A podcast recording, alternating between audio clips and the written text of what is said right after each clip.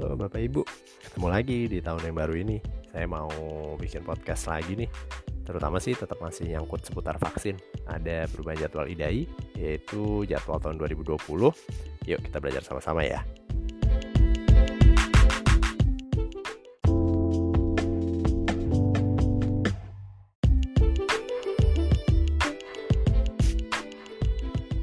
Perubahan yang pertama itu vaksin Japanese encephalitis awalnya diberikan di usia 12 bulan, sekarang maju di, bisa diberikan sejak usia 9 bulan.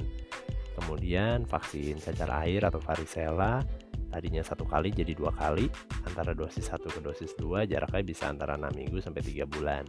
Kemudian vaksin hepatitis A tadinya diberikan di usia 24 bulan, sekarang maju bisa diberikan sejak usia 12 bulan vaksin MMR itu bisa diberikan tadinya tuh di 15 bulan sekarang jadi di, di usia 18 bulan. Nah, kalau gitu apa nih akibatnya dengan perubahan-perubahan waktunya ini? Satu uh, imunisasinya uh, bisa diberikan jadi lebih padat sih.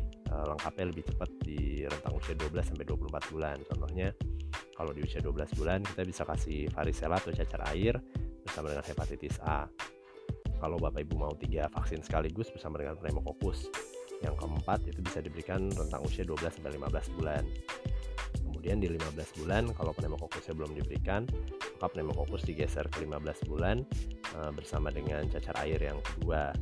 Nah, kemudian di 18 bulan itu DPT uh, HIV polio yang keempat bersama dengan MMR yang pertama. Jadi artinya kita bisa makin cepat sih melengkapi beberapa jenis vaksin. Contohnya sih cacar air yang cepat selesainya. Nah kemudian oh, karena itu jangan khawatir kalau memang sekali datang ke dokter ha, diberikan vaksinnya lebih dari satu.